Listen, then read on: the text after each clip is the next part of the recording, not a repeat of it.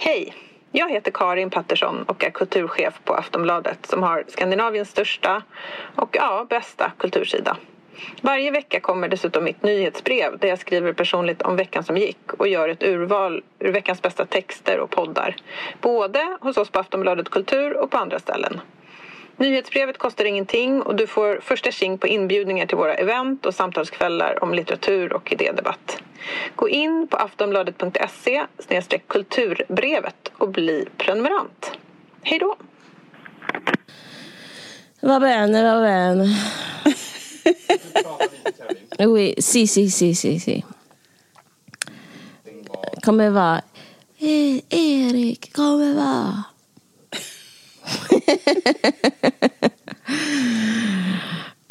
Pratar för, du italienska med Erik Rosén? Si parle con Erik. Okej, okay, ciao. Grazie Erik. Okej, okay, klar. He gave off that Italian vibe. Gjorde han? Ja, faktiskt. Mm. Han är en short king, det är därför. Han är kort. Förlåt. Jag är jättetrött. Så jävla kul, Carolina.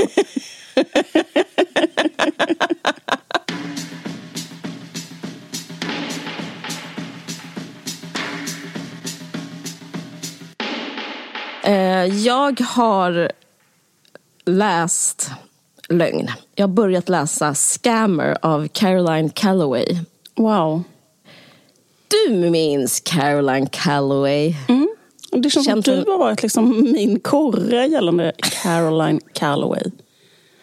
Ja, alltså hon eh, breakade genom att eh, hennes, rum, hennes um, kursare på NYU, New mm. York mm. University, skrev att hon var en dålig vän och en lögnare i um, ett sånt här hip eh, magasin. Det finns mm. ju några stycken. Jag tror det var, kan det vara The Cut eller New York Magazine? Eh. Ja, någonting sånt. Jag minns faktiskt inte vilket. Det var precis hennes liksom ganska nära vän gjorde en mm. sån hitpiece mot henne. Hon är då en influencer ska sägas. Alltså Caroline Calloway är en, in, ja, in, var en influencer. Man, nej, jag liksom tycker inte man ska kalla henne det. Internetpersonlighet. Hon, hon är författare eh, framför allt, liksom, som har eh, finansierat sitt eh, författarskap genom att eh, eh liksom sälja skit via sin Instagram. Och eh, även hållit på med Onlyfans. Men eh, hon har typ gjort en klassresa neråt. Hon gick, hon gick på de här eh, internatskolorna som är väldigt kända. Alltså för oss i Sverige kanske inte de säger så mycket men i eh, USA och Storbritannien vet alla vad det är. Typ så Exeter, känner du till den? Um, det är en sån boarding school innan man börjar på college. Eh, det mest typ Reagan har gått där och sånt där. Och sen så gick hon eh, på Cambridge som det, det känner ju alla till. Men, men nu, förlåt, får jag bara klargöra ja. så här. För när du sa att hon var författare, ja. för hon var ja. väl, alltså det här är väl hennes debutbok ändå? Jo, men hela grejen med henne, ja. som också mm, Natalie skrev om, mm. det var att hon hade ljugit för alla och framförallt till bokförlaget om att hon skrev. Mm. Så det hon gjorde var att sälja en... Eh, hon, fick, hon, hon sålde in en uh, bok helt enkelt, helt enkelt för med typ det, det mest så här, största förskottet som någon har någonsin hört om. Jag tror det var, jag kan kolla det sen. Men hon, hon, väldigt, hon, hon sålde in det för att hon var en it-girl på Instagram, eller hur? Alltså att hon lyckades, att hon gjorde liksom en person Nej, Hon gick creative här, writing på NYU, hon har fått massa artiklar publicerade och sådär. Jaha, alltså, okay. fått och noveller publicerade. Jag trodde att det bara Jag älskar att du verkligen liksom försöker, du vägrar ge henne att hon kan nej, nej, nej, nej, men jag menar att annars kan man, ja. eller så här, nej, annars hon, förstår hon har, man nästan vem hon var. Priser. För, för var det inte att hon liksom var så jättebra på att Eh, konstruera en sån eh, ja, men, eh, ja, men så här, eh, romantik kring universitetet, att vara sån tjej Mm. Den typen av estetik liksom. Mm. Men sen är hon också en jättebra författare. Mm. Alltså det är typ samma sak skulle jag säga. Men, eh, hon, eh, men det som var grejen med henne var att hon ljög om att hon... Alltså, ni, ni får manus snart. Eh, jag vet inte om det är hur relatable det är, men för mig är det otroligt relatable. Mm. Men att vara så... Säga att man har någonting som är värt 50 miljoner och inte har skrivit det. Men det roliga är att det finns, nu, kommer, nu finns det en bok.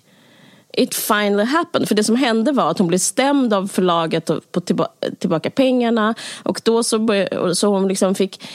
Hon gjorde liksom en jättetjusig resa upp. Eh, alltså, och blev känd på Instagram som liksom en så här, underbar it-girl. Liksom, mm. Underbar. Liksom, um, hon, hon är verkligen så här, vad ska man säga, en exquisite taste i influencer eller it-girls. Alltså hon, ja. inte, hon, är, hon var kompis med, eller är fortfarande med typ Anna Kashan och vad heter det, Dasha, vad heter hon efternamn? Nekrasov? Nej.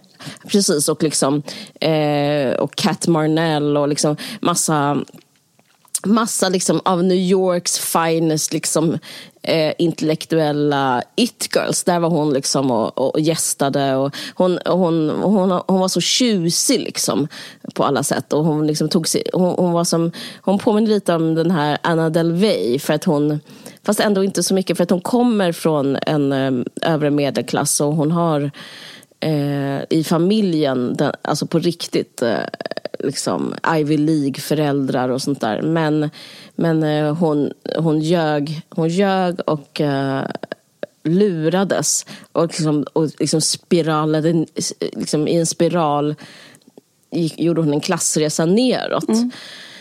Och hon förlorade en massa följare också. Um, inte så mycket efter den här artikeln. Då fick hon fler följare när, när Natalie, jag kommer inte ihåg vad hon heter efternamn, förlåt. När hon skrev i um, New York Magazine tror jag det var, att hon var en, en lögnare. Då fick hon massa följare. Men sen så när hon blev um, oattraktiv och paj, alltså när hon började sälja uh, jättefula collage uh, liksom med Matisse rip-offs och uh, blev liksom, hon, hon, var liksom äcklig till slut. Hon hade en katt som hon, bara, och hon bara var på golvet i sin lägenhet. Och, hon kändes som hon liksom, hade väldigt mycket psykisk ohälsa. Att hon liksom, jättemycket psykisk hon ohälsa. Hon gjorde såna grejer, hon sålde snake oil. Typ. Alltså, för, alltså på mm. riktigt då, alltså det som man, man brukar kalla då en äh, fejkad produkt eller ett lurendrejeri för snake oil.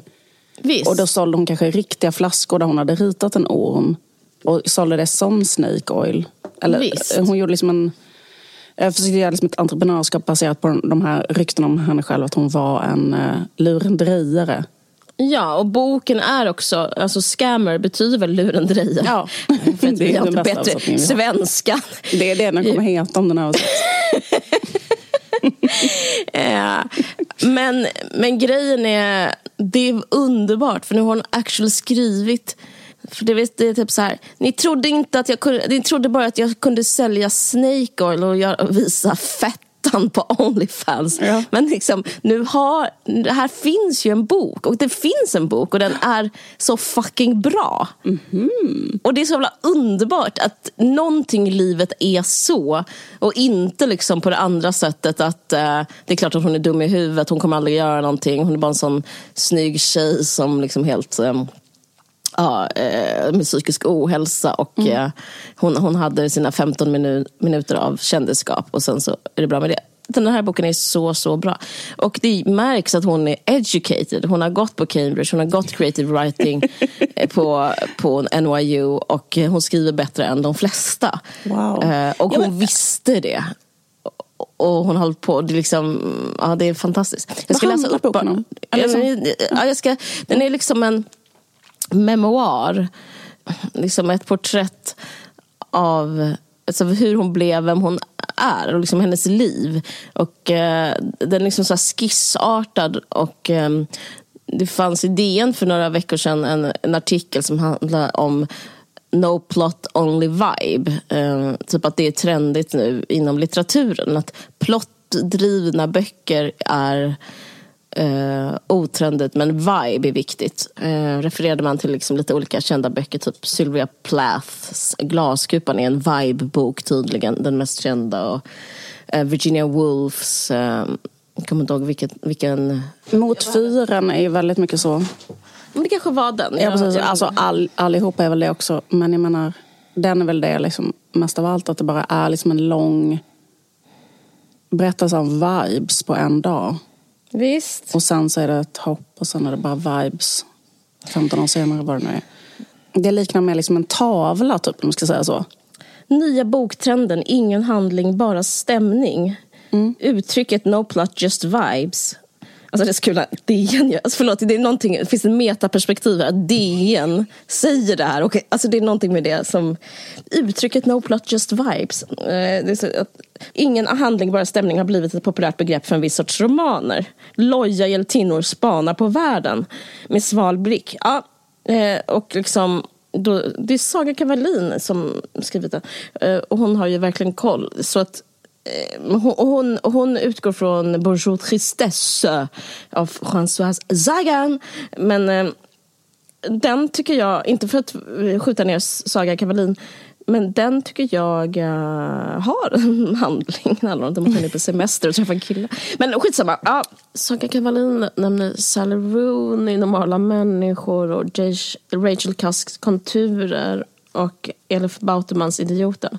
Jag har läst alla dem jag kan hålla med lite, men uh, det spelar ingen roll. Jag ska inte gå i, gå i liksom svar och, och mål mot henne. Men jag tycker till exempel den här um, My Year of Rest and Relaxation mm. av Otessa Morsfegh.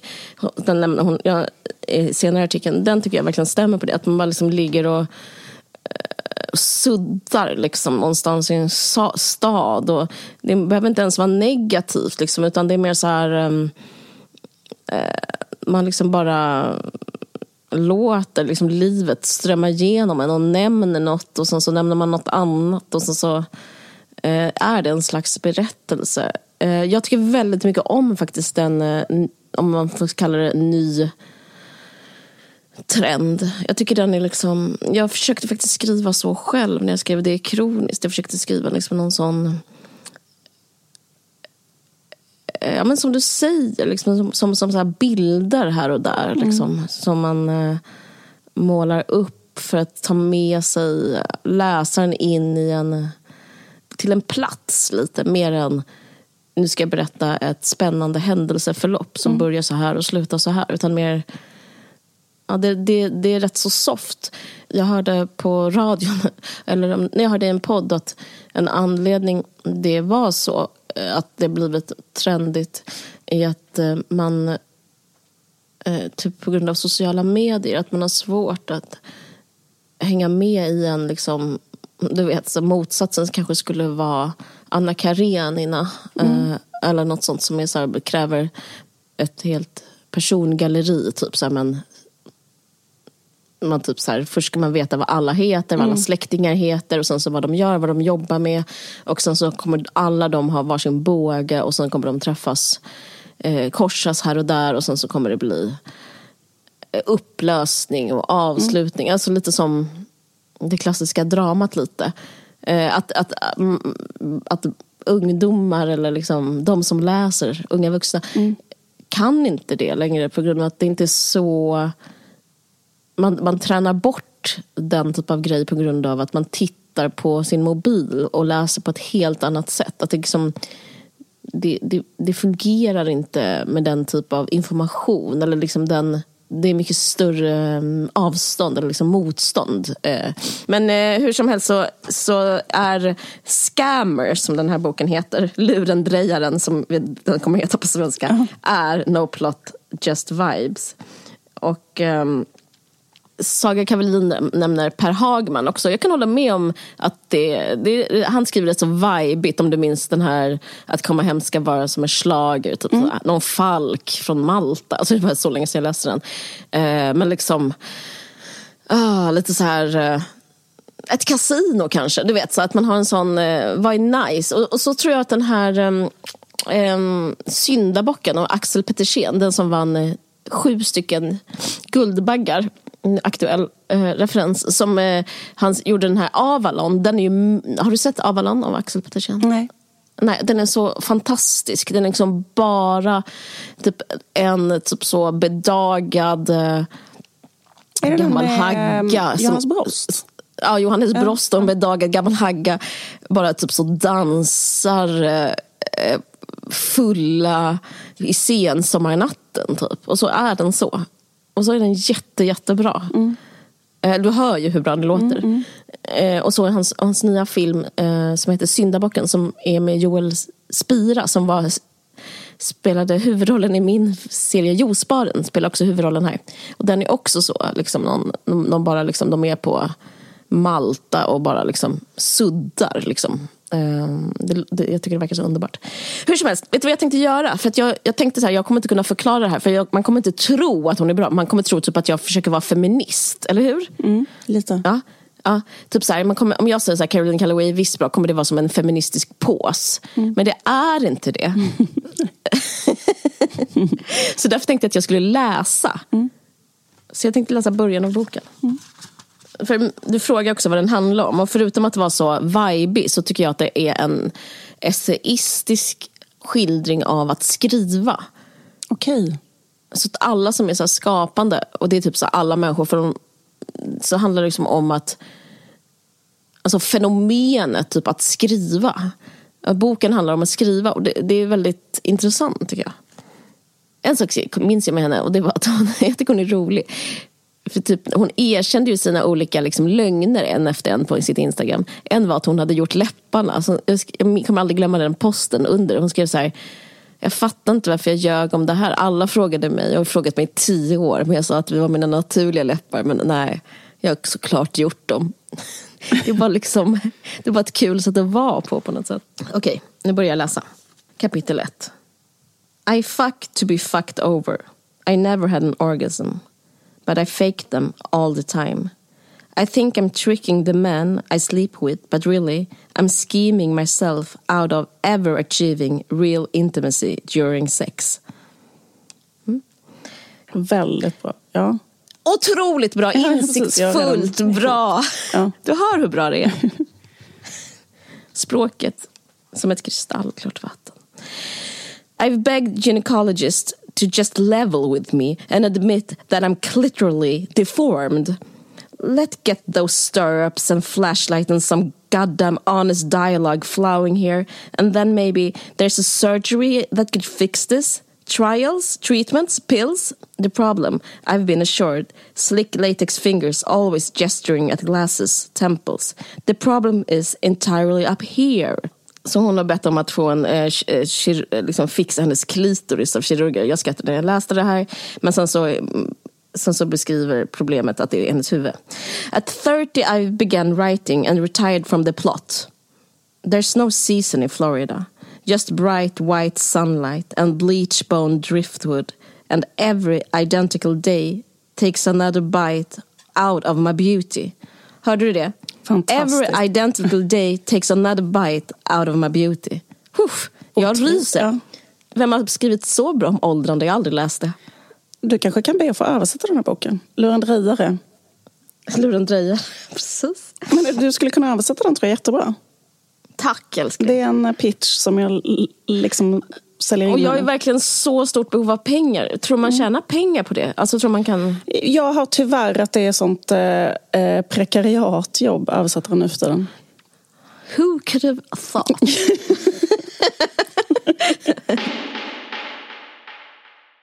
Hon är då Florida och skriver den här boken. Jag fortsätter läsa. Mm.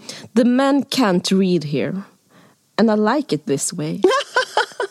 I meet them on my phone and they all have porn jobs a policeman who used to be a plumber. Hur kul? De har alla porrfilmjobb. En polis som brukar vara en rörmokare. Så jävla ball. A firefighter who coaches tennis on the side. For months I let a literal pool boy fuck me without a condom. Ja, det är jättekul. Okej, nu fortsätter jag. Nu kommer det till att, att eh, liksom, det essayistiska om att skriva. I needed these first paragraphs to slap you like a dead fish to the wet face. There was too much pressure on how I'd open my first book up to do anything but a gobsmack, or else I'd still be out there treading water in a windless sea of not just writer's block but paralysis, salt water, warm and amniotic as bath, as the Atlantic in, is in Florida. But in, it's time to get out now, to begin. My whole life, I avoiding writing books, by avoiding first drafts. I couldn't tolerate my own mediocrity for more than a few pages at a time. Det tycker jag, det tycker jag fångar essensen om att skriva.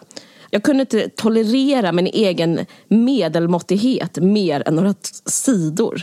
Så, så, alltså det självhatet är exakt så det är. Att man, man skriver någonting och så har man en jättestor ambition.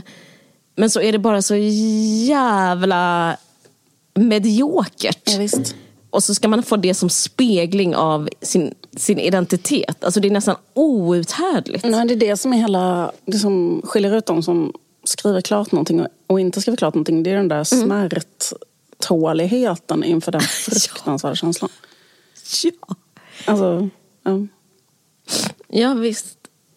Jag pratade med en kompis som bara sa vad du är helt sinnessjuk som publicerar någonting. Mm. Det är så jävla sinnessjukt av dig. Alltså jag, jag har också det perspektivet lite men jag fattade vad hon menade. Det är typ så jag vet, det, det, är verkligen sinnessjukt att liksom gå hela vägen så att säga. Verkligen, verkligen. Det är helt, helt, helt, helt sinnessjukt. Det kan hjälpa om man är i kris. Alltså jag tror det, alltså, jag skulle, det är mitt svar. Vi pratar om pengar. Alltså jag, men det är för att jag, det är det enda jag kan och jag måste få pengar på något sätt. Men, jag, men det är ju helt Ja. Vad skulle du säga om kris? Det kan ibland hjälpa om man är i kris. Alltså, eller det hjälper om man är i kris för då liksom går man över gränser och uh, plockar, ja. alltså, menar, att publicera ja. sig.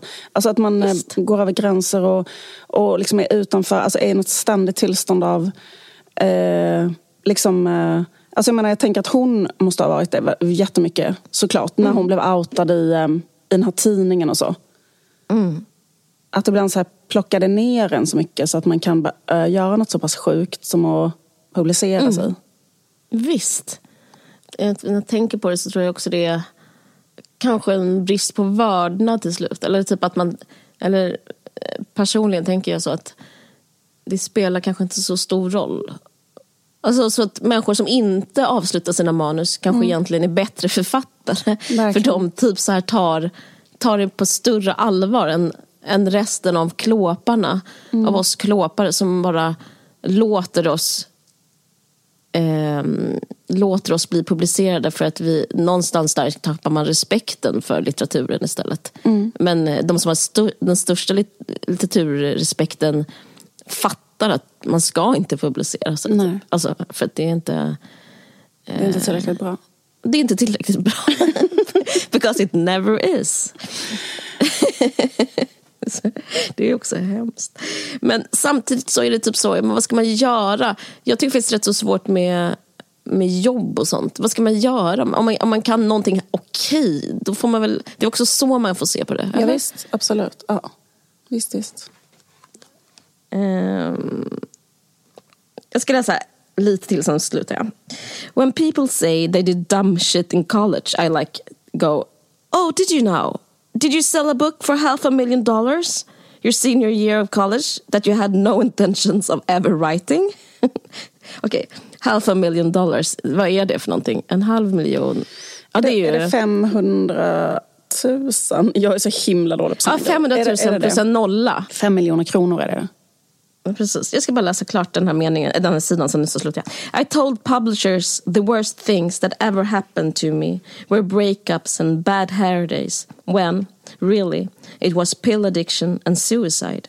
I could get over my shame and be honest about who I was. Or I could get paid big time to be their brand safe heroine I didn't even realize how wrong I choose until I finally kicked my amphetamine addiction for good and woke up two years later, stunned and terrified, in the smoking ruins of the life I had shelled. As Ernest Hemingway once said about fall falling into debt, and as Elizabeth Wurtzel, alltså hon som skrev Prozac min generationströst, later riffed on Hemingway about falling into depression You lose sight of the reason you wanted to become a writer in the first place. The same way you fall asleep, slowly and then all at once. Och det, jag tycker hon är så modig för hon skriver liksom sånt som jag trodde, som jag trodde var så branschhemligheter. Den här grejen som är så pur och oskuldsfull och ren. Som innan man börjar skriva så känner man att man har ett kall. Eh, och jag tror många så här, börjar med det, alltså den här romantiken kring så här, jag ska skriva en bok och, eller jag har något att säga. Men ändå fortsätter man ju med den här grejen som hon menar att Hemingways kända citat gradvis, sedan plötsligt. Sen skriver Carolyn Calloway hur, också hur det är hur man förlorar liksom, sin själva upprinnelse av liksom, vad man tycker är meningen med livet eller meningen med att jobba eller att skriva. Men ändå så ska man fortsätta. För det, för det handlar liksom om det svåra, eh, svåra med liksom skapande. Det är en diskussion om eh, hennes liksom desperationer under tiden och den handlar jättemycket om eh, eh, olika killar. Jag tycker det är så intressant för det är som att på ett sätt är det som att det känner jag också igen mig i. Liksom, vem man är ihop med kan liksom avgöra hennes, hela ens karriär. Om man, men jo, en sak som jag tycker är dålig, om det är, nu är det här liksom en skrivarpodd eller litteraturpodd som jag kan, skulle jag vilja ge, ge tips till andra som skriver och mig själv. Där är verkligen så här, det är att hon hon nämner den där boken som hon sålde till ett eh, väldigt så känt förlag för alltså förskottet. Den har hon liksom hon skriver hela tiden i sin bok om att, alltså jag ska bara ge ett exempel så du fattar vad jag menar. Så här, someday I will make my first book and we were like, som den heter. Mm. But for now you have this daybook of 67 vignettes. Daybook is a word I coined for writing that I intended to finish the same day you start reading it. Scammer is not a complete and linear memoir as We were like will be. Alltså förstår du? Att hon mm. pratar, hon, det är väl helt ointressant att hon pratar om en annan bok som hon ska mm. skriva sen. Eh, det är mycket bättre när hon liksom är i sin bok. Och, eh, jag, jag, känner igen det, att man liksom vill ha typ Ja, men det är bara dåligt. Det, det är bara jätte, det, hon kanske ja, det, det, så, så tycker inte jag det tycker inte jag är så bra litteratur att skriva om en, en, någonting som man eh, fundera på att göra sen. Alltså man vill vara i universumet. Liksom. Uh, så.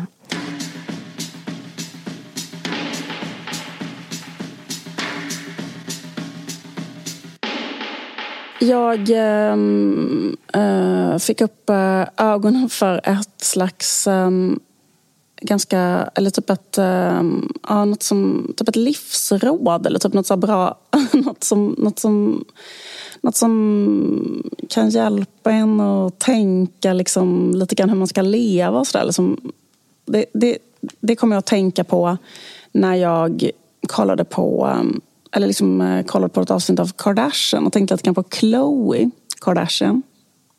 Mm. Det här kommer börja i Khloe Kardashians biografi och sluta med ett slags sak som kan vara eller som hjälpte mig att tänka lite på hur det är bra att leva. Får jag fråga dig en sak? Mm.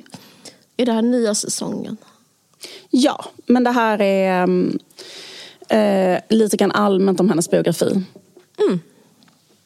Men uh, det var en incident, men det är för ganska många avsnitt sen. Men äh, häng med. Den här, den här podden hänger på en skör tråd. Den här podden hänger på en skör tråd. Men ja, det, det, är faktiskt det, det, är, det är lite Nej, intressant. Jag skojar. Men jag får säga så här, om, nu ska jag bara berätta om Khloe Kardashian. Ja. Det är då en äh, syster i den här familjen. Mm. Och äh, hennes, hon är liksom snyggare än någonsin. Hon har alltid varit lite så den fula ankungen i den här familjen.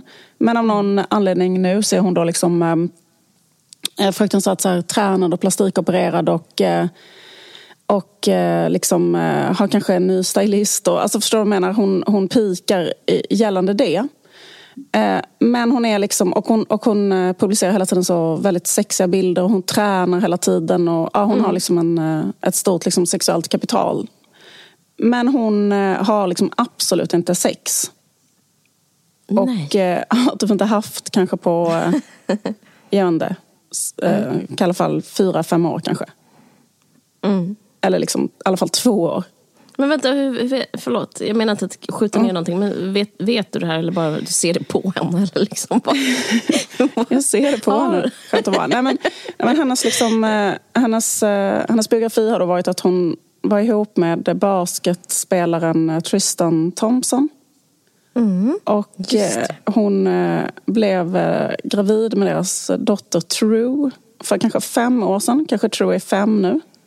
Mm. Och eh, då visade det sig ganska snabbt att han eh, var otrogen hela tiden. Just det.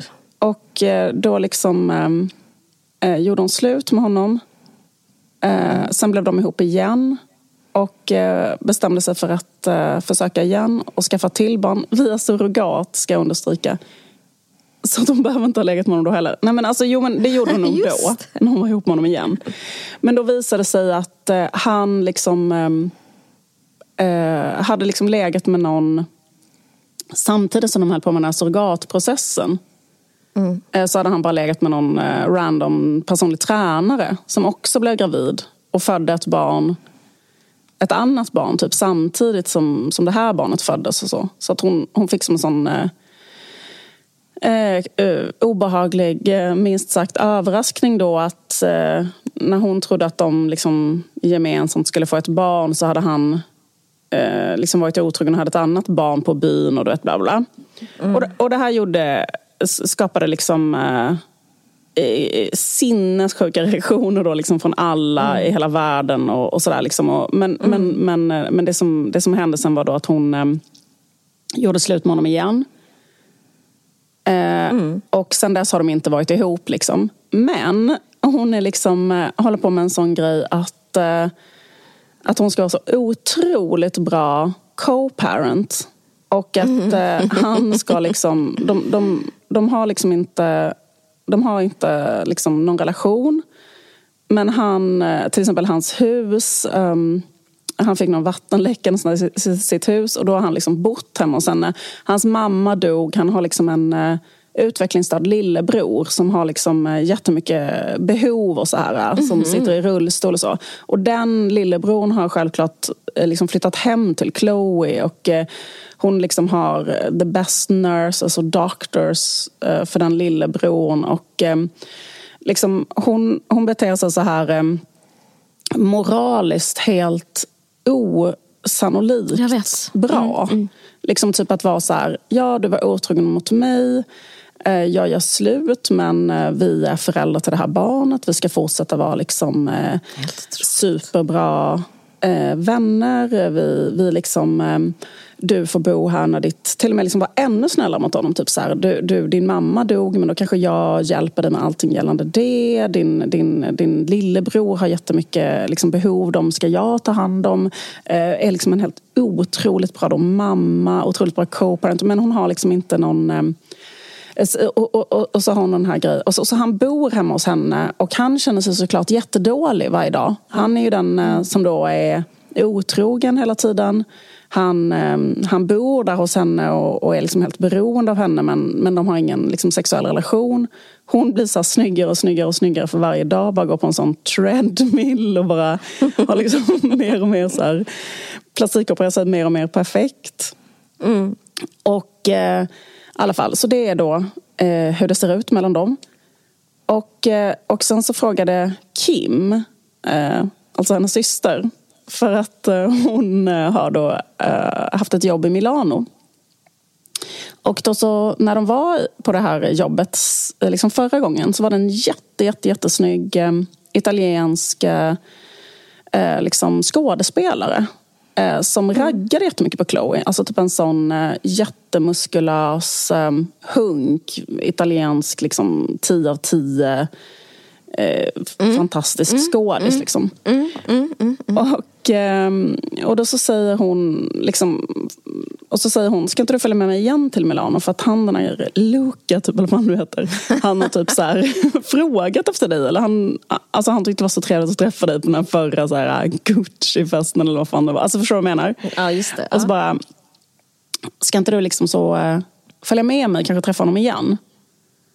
Uh, och då är hon så här, nej, Uh, jag ska inte följa med dit och liksom träffa honom igen. Utan jag ska fortsätta vara här i Calabasas och liksom uh, gå på min treadmill och uh, hålla på med Tristans utvecklingsstörda lillebror och alltså du vet sådär. Uh. och så hon liksom bara, bara väljer det, väljer det, väljer det, väljer det, väljer det. Liksom. Att vara den här uh, helgonlika celibatet där hon är där i det där eh, mansionet liksom och håller på med de här eh, goda handlingarna. Hon tar också väldigt mycket hand om sin mamma. Har jag tänkt att hon är den enda som, alla hatar ju sin mamma ja. förutom hon. Hon typ spend time med eh, liksom, den sjukaste människan i världen som är då, vad heter hon? Chris. Chris Jen. ja, det var perfekt. hon kanske också är en Fortsätt. jättebra vän och kanske fortsätter att umgås liksom, he hela tiden med en konstig barn hos vän. Alltså, liksom det är sant. Uh, men då funderar jag på liksom, så här, varför, uh, nu när hon har den här uh, kroppen mm. och det här utseendet. Mm. varför åker hon inte till Italien och liksom ligger med den här italienska skådisen? Bara ha lite mm. kul en helg. Eh, men då ehm, tänkte jag på att ehm, det, varför hon inte gör det är liksom för att då förlorar hon en sak eh, som är sitt eh, moraliska överläge gentemot Tristan. Mm. Liksom att um, han är liksom helt ägd av hennes uh, moraliska helgonlika grej. Att han har mm. varit dum och dålig och hon har varit så fruktansvärt bra. Och detta mm. har på något sätt inspirerat henne till att bli mer och mer och mer som ett självpåfående mm. helgon. Och sen har hon mm. börjat liksom knarka den, punda den grejen. Mm. Och då skulle det vara så högt pris. Att så här, åka till Milano och ligga med någon. För då skulle kanske Tristan bli arg och svartsjuk säkert. Alltså, Mm. För de bor ju ändå där och har de här barnen tillsammans. Och han mm. kanske skulle tycka att hon var en unfit mother. Och du vet lite olika sådana saker. Alltså, mm. Eller liksom, han, han skulle kanske bli svartsjuk och stor. Eller inte ens det, men hon skulle liksom fläcka ner lite av den här sinnessjuka moraliska övertaget då. Mm, så jävla god att ha den ju. Vad sa du? Den är så god att ha den där moraliska Exakt, överlägsenheten. Är... Eh, så att liksom hon värderar det högre än att liksom leva sitt eget liv. Mm. Och har fastnat i det. Att mm. bara gå där på den eh, trappmaskinen. Eh, ha den här eh, sinnessjuka, liksom, undernärda kroppen. Och eh, liksom göra de här farliga operationerna liksom, och sminka sig så mycket varje dag. Alltså det hela det här, liksom, vilket jävla jobb mm. liksom, ser ut så. Och mm. sen liksom hela grejen är då att, att hon liksom få den här drogen av att vara bättre än honom. Mm. Um, och uh, det, det kan vara lite så här um, farligt typ i religion. Och så. Eller liksom det, det, typ, det, det är typ som, som en klassisk fälla man kan komma när man håller på med religion. Typ, tänker jag. Visst. Att, att vara sådär liksom... Titta på missionärerna. ja, precis. Men, liksom att, men, men var det så intressant för att jag... Um, Dels tänkte jag på en sak som Birgitta Stenberg berättade, författaren Birgitta Stenberg. Visst. Att hon, ja, precis, vi har pratat om det här innan i podden. Kanske, om precis den här grejen. Nej, ja, kanske. Men det, det, det, tål, ja, men alltså, hon, om det är hon som sa det tål det verkligen att upprepas. Ja, precis. Men hon, hon var gäst i en talkshow, kommer inte ihåg vilken. Just det. Okay. Men, men då liksom berättade hon att hon hade en period. Hon, hon var en författare som var känd för att skriva om ett väldigt utlevande liv och liksom med liksom eh, mycket droger och olika sexuella relationer och sådär. Mm. Och sen så berättade hon, att hon, berättade hon i den här talkshowen att hon hade tänkt, eh, liksom, hon var också katolik, eh, att hon hade mm. tänkt att eh, leva i celibat ett tag. Liksom att hon hade bestämt sig för det, att liksom, men sluta ha sex liksom, ehm, på det här mm. sättet.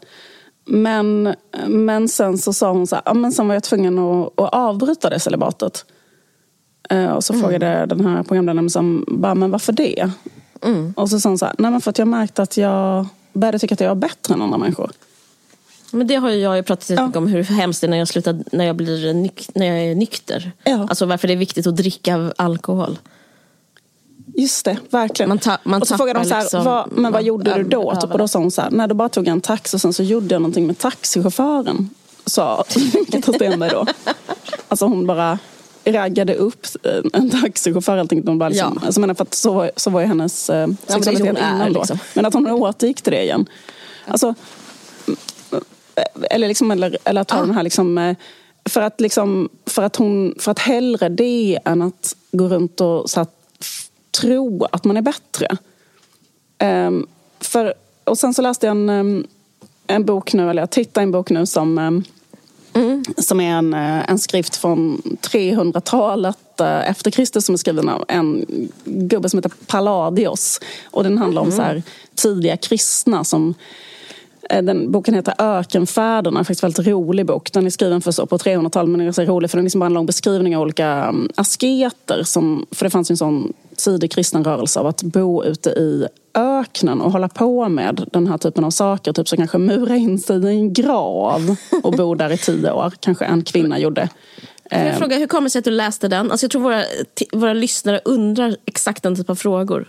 Ehm, det är för att jag läser um, uh, olika saker när jag skriver mina böcker.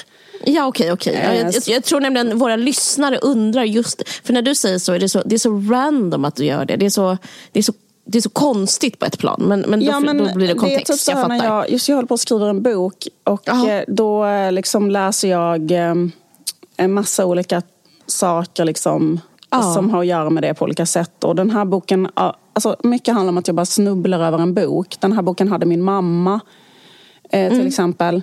Och, mm. Men jag har faktiskt skrivit om de här asketerna innan i mm inne i spegelsalen så skrev jag en som heter Clemens av Alexandria. Det är mm. bara liksom en, en eh, så tidiga kristna, alltså det är typ det tidiga munk och nunneväsendet. Eh, men det som är intressant med dem är liksom att de um, liksom att, ja, men de höll mycket på med det här, liksom så här, hur ska man leva på rätt sätt och hur ska man... Um, det var liksom lite de som började, det var utifrån dem som man började formulera de här sju dödssynderna. Okej. Okay. Eh, men det är lustigt att de sju dödssynderna, det här lärde jag mig när jag läste idéhistoria. Mm -hmm. Att eh, de sju dödssynderna kom egentligen från Grekland och de är liksom inte de är egentligen inte utformade så som att de ska vara typ dödssynder. Utan de är utformade som levnadsråd. Alltså typ det här, jag skulle liksom precis skämta om det, att det var tips. Det var tips. Ja, hur som helst, råden var eh, liksom, eh, de dödssynderna var med. För de höll på i antikens Grekland om, eh, med, hela tiden med måttfullhet. Det var ju typ deras mm. liksom, stora grej. Att man skulle vara måttfull hela tiden i allting. Liksom. Mm. Och, eh, och liksom de här grejerna var så här, de här sakerna måste du vara måttfull i. Alltså typ girighet. Du, mm. och det handlar om att ditt eget liv förstörs ifall du bara ska vara girig på ett måttlöst sätt. Så du måste liksom Eh, det var liksom råd för att ens eget liv inte skulle balla ur. Typ om ditt eget liv inte ska balla ur, då kan inte du hålla på bara med så lättja, eh, frosseri, vällust. Alltså typ, om du är en sexmissbrukare så kommer det eh, du vet, skapa så pass mycket problem så att ditt eget liv förstörs. Så det var mer så mm. tips på de här sju grejerna eh, måste du hålla liksom i eh, lite så här på en lagom nivå. Ja, ja, ja. Mm. liksom, och, och det är ganska bra livsråd. Alltså, eh, ja, men de grejerna får du hålla lite i mellanläge. Du kan inte bara gå all in på så att ehm, eh, ja, men till exempel vara arg på ett gränslöst sätt. Vrede är ju en dödssynd också. Men typ att om du går runt och får såna jävla utbrott 24-7 på alla människor så är det liksom jättedåligt för dig. Typ. Mm.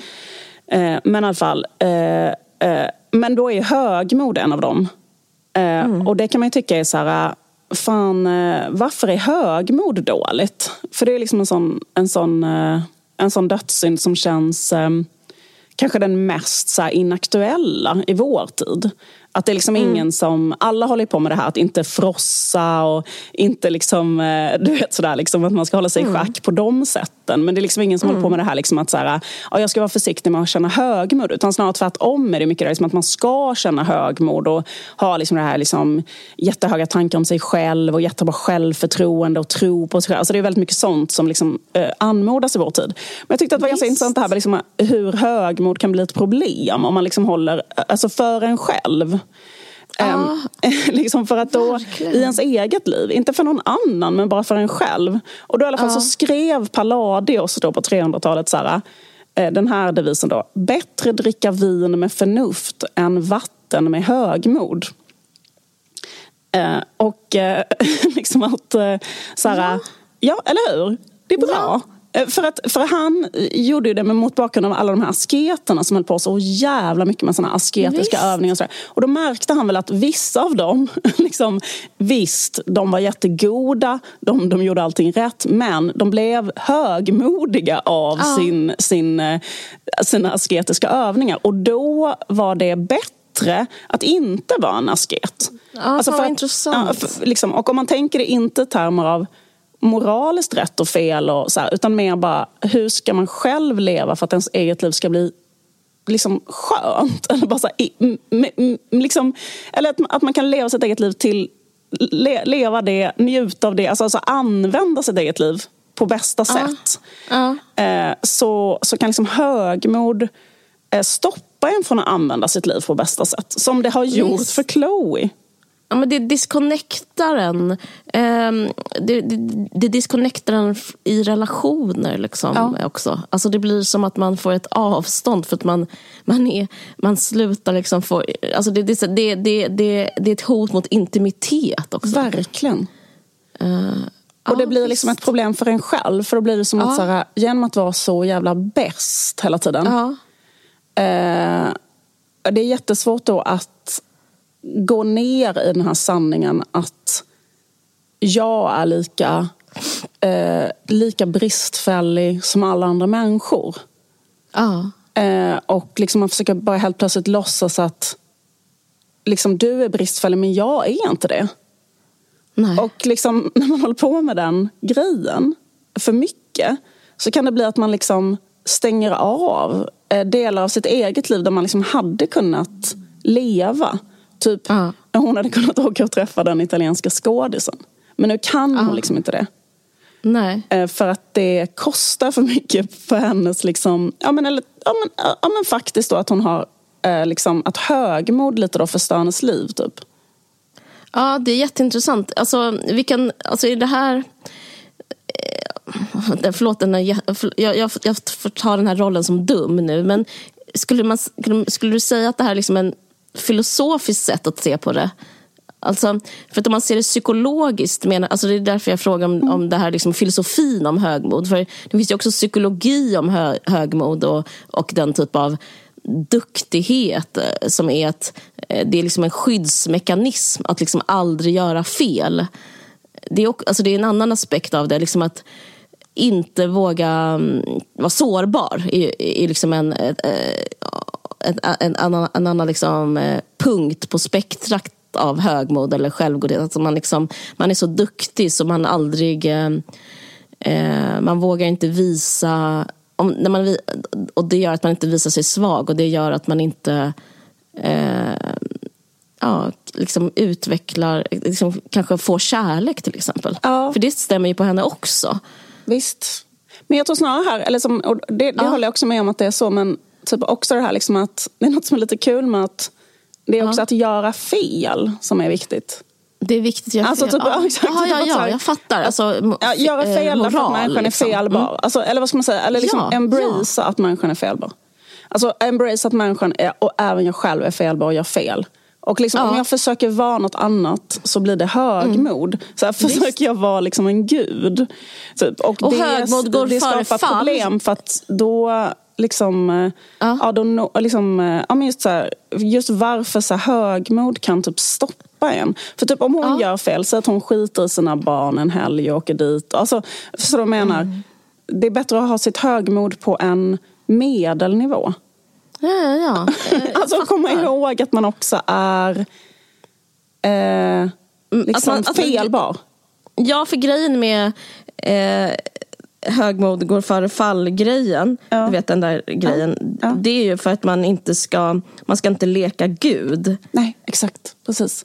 För det, för det blir liksom, det går för inte. För att hon är ju inte perfekt. Nej. Alltså, menar, för hon har ju massa jättelåga alltså, konstiga drifter och är liksom helt, alltså för, förmodligen precis. jätterasande på honom egentligen och så vidare. Ja. Och då kommer det säkert ut på något annat sätt. Men hon straffar liksom honom genom att vara eh, ett helgon. Så att säga. Alltså, ja, alltså bara, men, alltså nu, ja. Det liksom kanske låter fånigt att ta de här som exempel men jag Nej, gör ju det för att vi alla känner sådana här människor. Alltså förstår du vad jag menar? Alltså, man känner igen det också hos sig själv och så. Men att det bara, men jag tycker det är intressant det liksom för det som du beskriver. På, för jag bara, ja. liksom när jag läste det där eh, Palladios-citatet mm. så var det bara så jävla mm. alltså det var så intressant. Och också att säga någonting om vår tid, just det liksom att man strävar efter, perfektion hela tiden. Alltså att allt, att man ska vara så perfekt i så här, hur, man, ja, men hur man äter, hur man tränar, hur man tänker, hur man, eh, liksom, hur man är ihop, hur man, alltså du vet, allting hur man är som förälder, allting det där.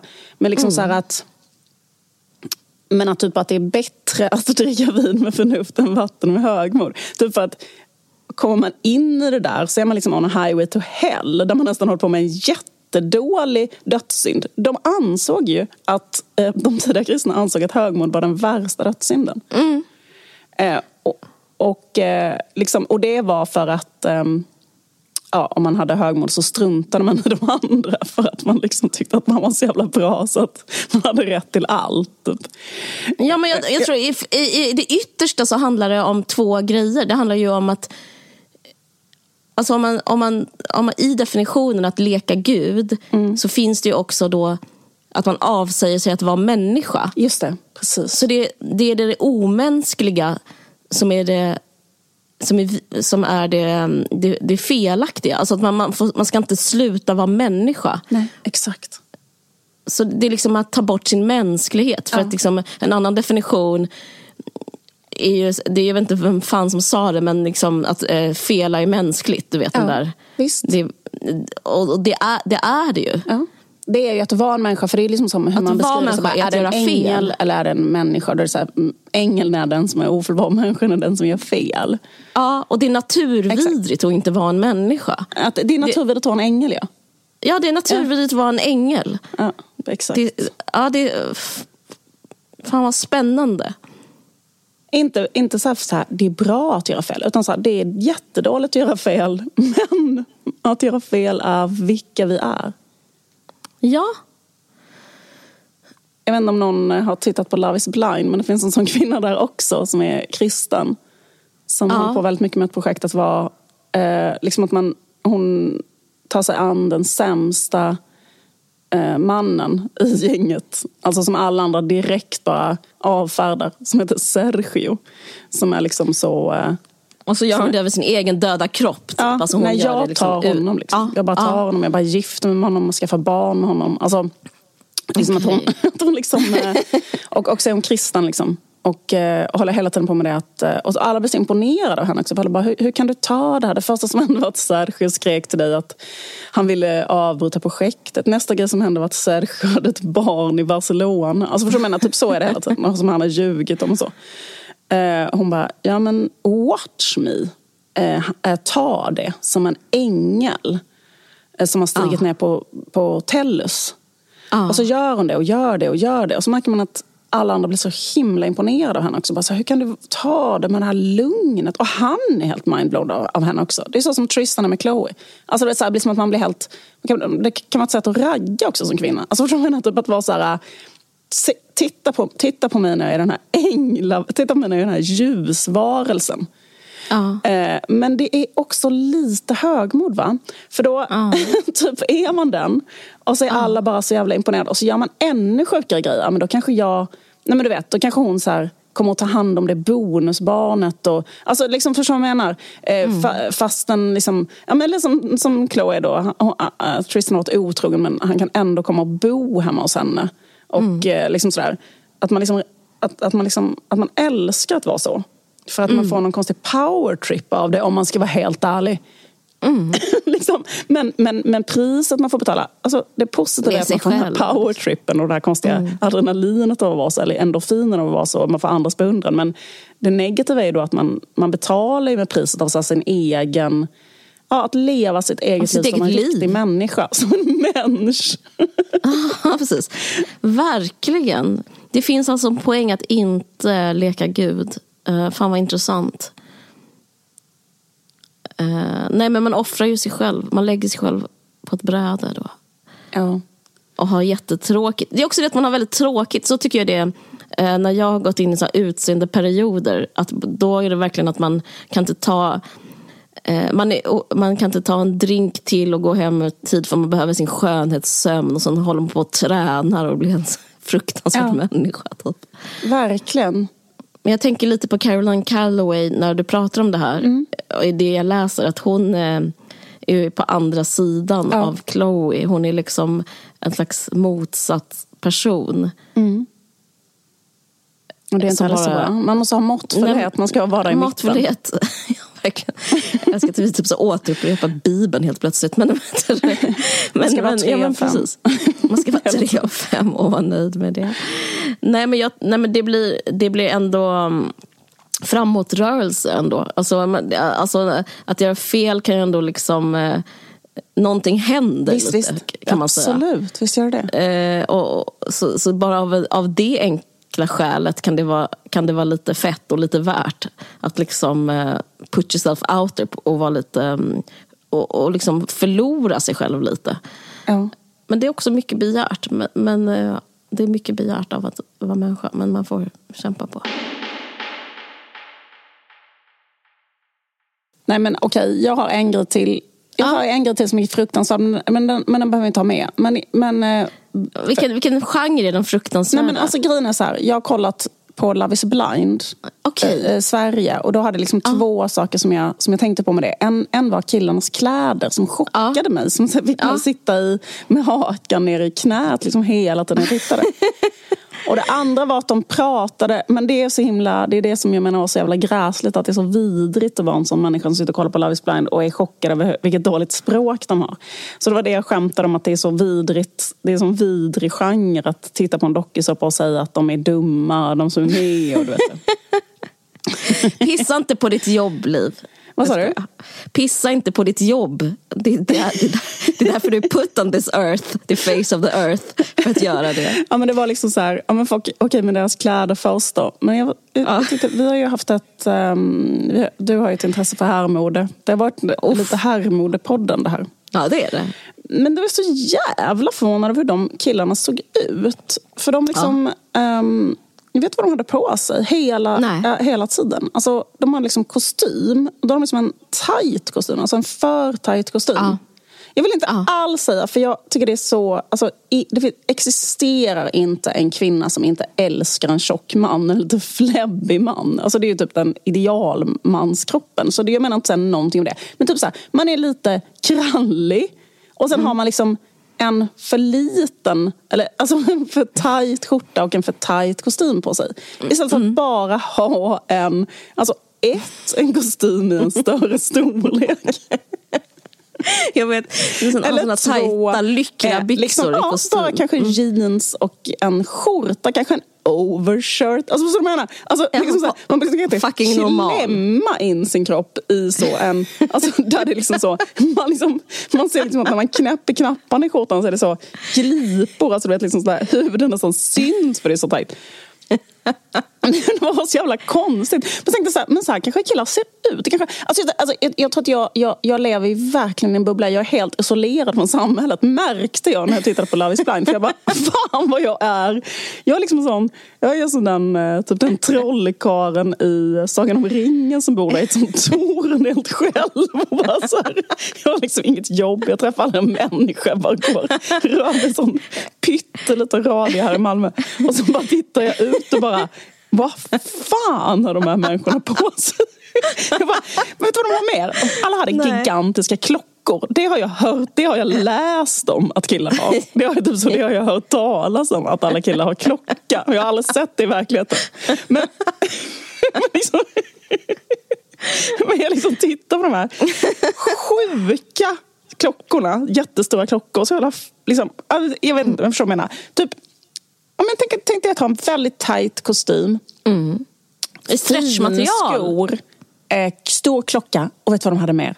Eh, som, mm. som bara fick mig nästan ramla av soffan. Eh, eh, smycken. Alltså så här, män med alltså, ah. etno-inspirerade smycken. Usch. Alltså så kanske ett eh, mm. armband av träpärlor. Eller en, eh, en, eh, kanske ett vävt eh, armband. Eller alltså typ kanske ringar på fingrarna. Eller um, vad mer var det för sjuka grejer jag såg? Men du förstår mm. vad jag mm. menar? Jag bara, mm. vad, vad händer? Kanske mm. ett stort guldsmycke med en kompass. En hade liksom en kompass som ett sånt meningsfullt smycke. Alltså ett smycke med en historia bakom. Typ sådana slags Oj. människor. vilket jag bara var så... What? Men vilken genre människor är det där? Vad sa du? Vilken genre av människor är det där? Ja, det är, också, det är, det är en bra fråga. För jag tyckte det var så himla konstigt för att inte en enda gång i programmet, Caroline, såg jag en kille ha på sig jeans. Alltså inte en enda gång i hela programmet. Det var, liksom, det var en, de jobbar som typ ekonomer och finansmän. Men jag tror att de tänker att de är snygga när de har på sig detta. Är, är det Sverige? Är det här ja, Sverige, Sverige, Sverige. Sverige. Ja, alltså, inte för att skryta, men jag, jag, har inte sett en ruta. Men okej, okay, det, det, det, det, är Sverige. Okay, ja. Sen var det helt sinnessjukt när de skulle gifta sig. För då, då ja. hade de kanske så en bred, alltså en kille med en bred eh, scarfs, artad slips som är turkos. Alltså, okay. eh, som kanske är en mellanting mellan en slips och en scarf. Så hade bara en på sig. Mm. Helt iskallt. Mm. En kanske hade så här, typ en rosa slips och kanske en blå kostym. Eller, eller är det, det kanske är vanligt. Och kanske en sån näsduk, kanske en rosa näsduk i fickan. Jag bara, jag bara, liksom, jag bara vad fan. Alltså, jag var helt... Jag var liksom helt... Uh... Men bara det att ha kostym hela tiden. En tight kostym. Det är så jävla, jävla konstigt. Nej men det är jättekonstigt. Men jag har också sett det. Det, det, det är ett killmode som är... Eh, det, det, är liksom en subkultur, eller en rätt stor subkultur. Jag vet, det finns också, det är liksom Men är att det svennar som har det? Alltså, ja, det är, alltså, är det normen? Det ska smi- som ja, jag, jag ja. såg eh, Björn Söder en gång när jag var mm, på krogen. Ja. Och då hade han också den stilen. Ja. Han, har, han är ju lite um, mullig. Ja. Och uh, han hade som chinos ja, som smet, uh, alltså stretch-chinos. som smet, smet ut över vaderna, alltså mm. åtsmitande mm. över vaderna. Mm. Um, så, så liksom, som det blir en slags stretch kostym mm. stil. Och och, så, eh, och en, för, en skjorta som, eh, som avslöjade mm, buken. Liksom. Mm.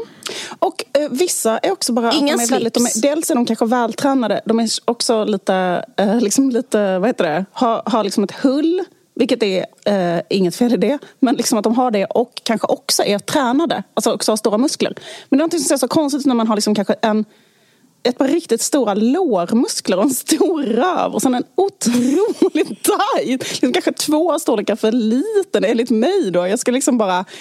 Nej men det eh, där säga, tror jag är hela förklaringen. gå upp alltså, i förklaringen. storlek, gå upp i storlek var det enda jag ville nej, liksom nej, skrika nej, men, till vet vad, det, Jag vet vad det är, Liv. Ja. Det är gym, gym bros. Ja, det är, alltså, gym, det är gym, ja, det är det. Mm. gymkillar mm. som som, tänk dig att man, var, att man är en gymkille. Alltså det här är marknaden, det är efterfrågan. Det är vanlig kapitalism. Mm. Det, är, det är um, tillgång och efterfrågan. Eller, gud, jag är så trött. Jag vet inte hur, mm. vad, vad är nu kapitalismen? I alla fall. Att det är så här, om du tränar jättemycket och får jättemycket muskler då känns det jättetråkigt att ha normala kläder. Ah. För då får du aldrig visa, du får aldrig flexa dina biceps eller dina vadmuskler ja, eller dina lårmuskler. Det här är typ motsvarigheten typ till tjejers urringning. Ja. Så, så det är liksom då... att vara gymmare, är, det är liksom en eh, gym, gymstil. Ja. ja, precis. Då, men, men då men tycker så jag så det finns ju en rätt sexig gymstil då. Att man har kanske ja. mjukisbyxor, eh, mm, man kan ha en t-shirt. Alltså, all, sådär. Det är inte liksom just det här med att man, man ser något som sitter trångt. Och vet ja, också, det är de hade, de hade gymbro. Att, um, vid anklarna då, att det är smalt. Alltså typ att alla byxor ja. är uh, avsmalnade och lite kort, inte, inte kort, de kan inte. Men, men har alltså, de sådana här ankelsockor också? Aldrig en byxa som så går över skon. Alltså, nej, nej, men har de ankelsockor?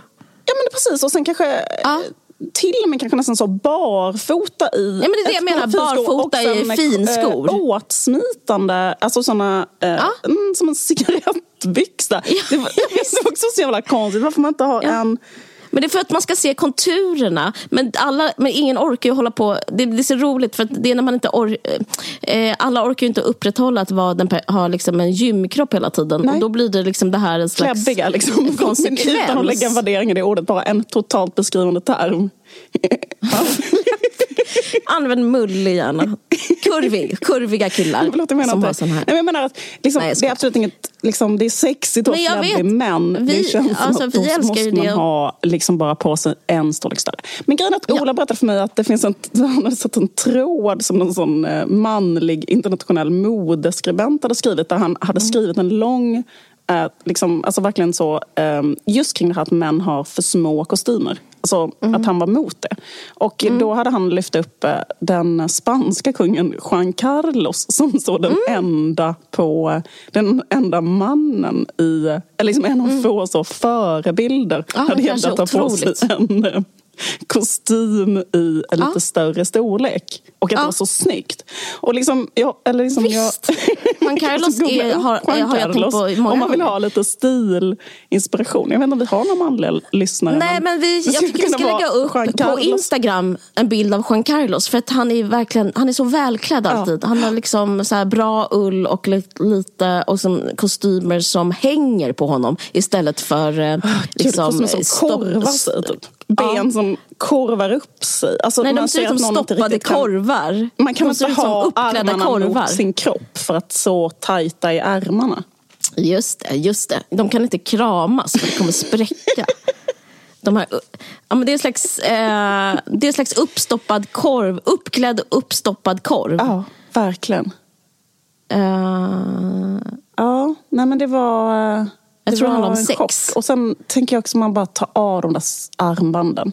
Det värsta armbandet var um, en kille som hade, kan du tänka dig detta? Tänk dig en ganska fläbbig finansman med jättetajta kläder. Egentligen snygg, men alltså helt ja. sinnessjukt klädd.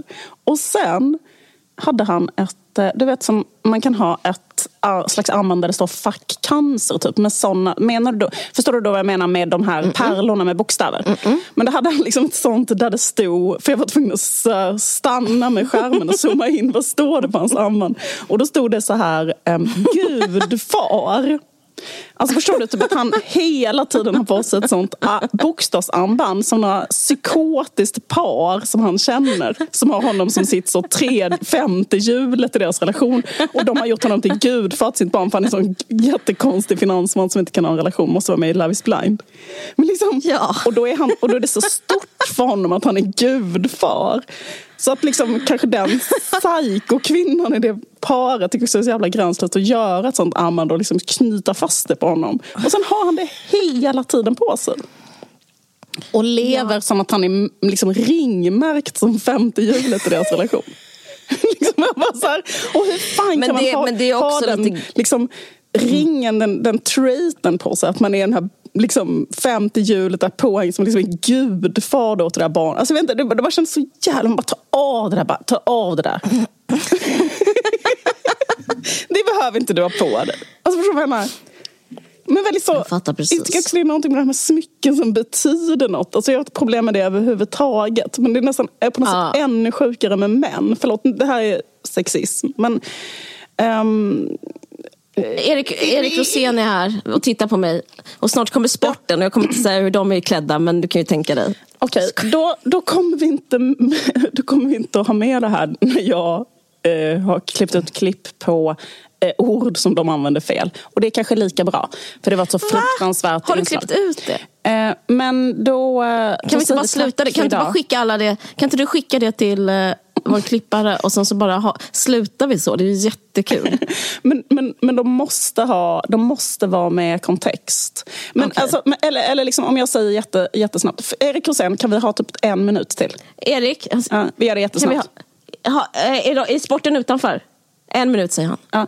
Eh, det här är deltagaren Rasmus som då på reunionen ska prata om deltagaren Sergio som har fått mycket kritik för att vara lite osympatisk och jobbig. Och Rasmus säger då... Jag tror ändå att du eh, ville gott hela tiden men du kom in med en attityd som kanske inte rättfärdigade dig helt och hållet. Det han menar är då alltså, du kom in med en attityd som inte gjorde dig rättvisa. Um, här är deltagaren Rasmus mamma som träffar hans fru Chrissy och ska berätta om hans barndom. Alltså Rasmus har ju haft, alltså han, var ju, han hade ju skilsmässobarn så han var fyra år, tre, fyra år. Mm. Uh, men han har ju alltid varit vår första punkt, både för Per och mig. Alltså mm. alltid, alltid första punkten. Mm. Hon, hon, menar då, uh, han har varit första prioritet menar hon. Man måste liksom översätta, man måste tänka så mycket för att förstå vad hon menar. Deltagaren Johan hade en grej med deltagaren Meira men han vågade aldrig uttrycka sina känslor för henne vilket gjorde att hon tog bort honom liksom, eller liksom valde en annan. Um, och då, uh, men Johan uh, ångrade sig och han säger så här när han ska förklara för Meira. Ja, direkt efter så ångrade jag ju liksom att jag hade så svårt till att sätta finger på vad mina känslor var. Liksom. Han menar inte att han har svårt att sätta fingret på utan i kontexten är att han sa inte sina känslor till henne. Men han mm. ångrade att han inte sa sina känslor. Han, han ångrade att han inte uttryckte sina känslor. Men han säger, jag ångrade att jag inte satt. Satte fingret på mina känslor. Ja, skitsamma. Och jag nu, fattar. Eh, och nu det sista, men det här blev liksom ett, det, det, det, blev lite, det kunde bli lite av ett problem. För det här var utklippt som en trailer. Att ett, eh, deltagaren Kristoffers mamma säger um, plocka inte fram spöken ur garderoben. Och det var liksom som ett klipp som de tog fram hela tiden för att man skulle liksom bli sugen på att kolla mer. Men då liksom okay eh, men då fattar man att så här, vad, aha, vad spännande, finns det spöken i garderoben? Men sen när man ser hela samtalet då är det så här, då är det att deltagaren Katja träffar sin kille Kristoffers mamma och syster. Och Katja uttrycker då vad hon är orolig för i hennes och Kristoffers relation. Vilket är att han är för snäll och hon kan då råka bli för elak mot honom. Och mamman och systern säger så, men passa dig för det då. Alltså akta dig för det om du vet om det. Och, eh, och sen använder hon då det här ordspråket för, för att förklara verkligen för Katja vad hon menar. Jag vet ju också att han är ju otroligt ja, men snäll av sig. Eh, och där kan väl jag se en viss oro att jag kanske blir för, han kanske blir för snäll och jag kanske blir för liksom lite, hörru kom igen nu.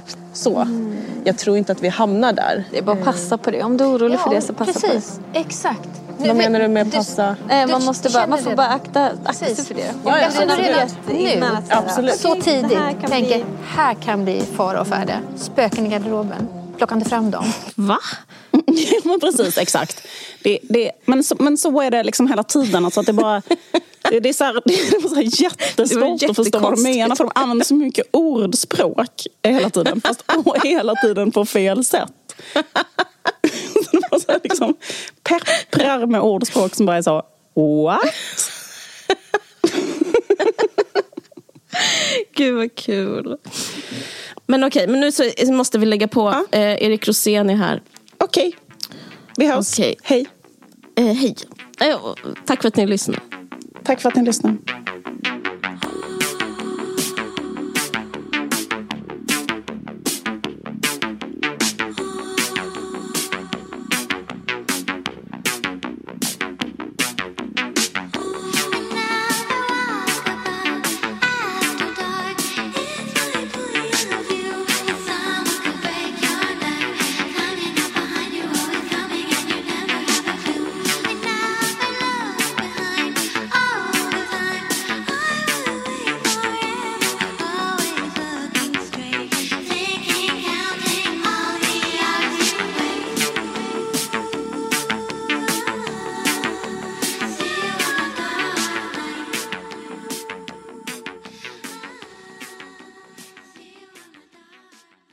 Har lyssnat på en podcast från Aftonbladet. Ansvarig utgivare är Lena K Samuelsson.